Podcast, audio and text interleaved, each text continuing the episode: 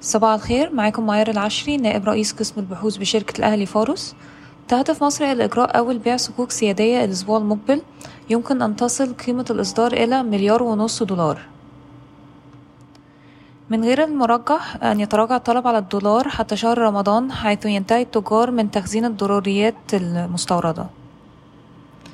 ذكرت بلومبرج أن العقود الآجلة غير القابلة للتسليم على مدى 12 شهر تراجعت بنسبة 1.2% أمس إلى ستة وتلاتين فاصل صفر اتنين خمسة مقابل الدولار.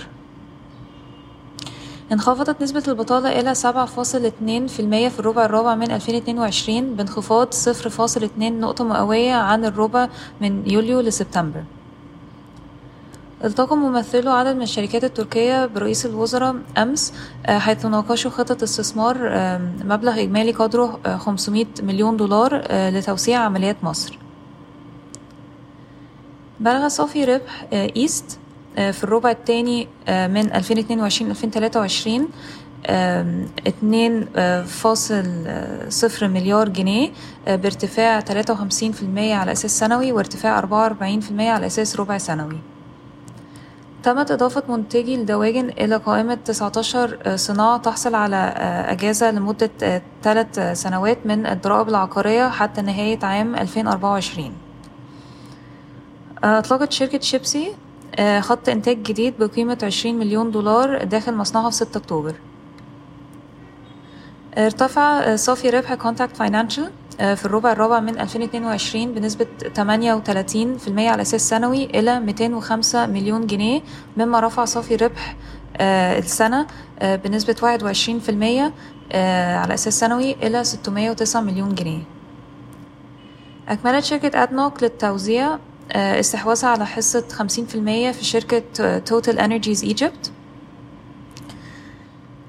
آه، ستعزز مصر آه، صادراتها من الغاز الطبيعي المسال إلى أوروبا على المدى الطويل آه، تهدف مصر إلى زيادة صادراتها من الغاز الطبيعي المسال بنحو 40% اعتبارا من 2025 وسيتم تخصيص معظمها للسوق الأوروبا الأوروبي.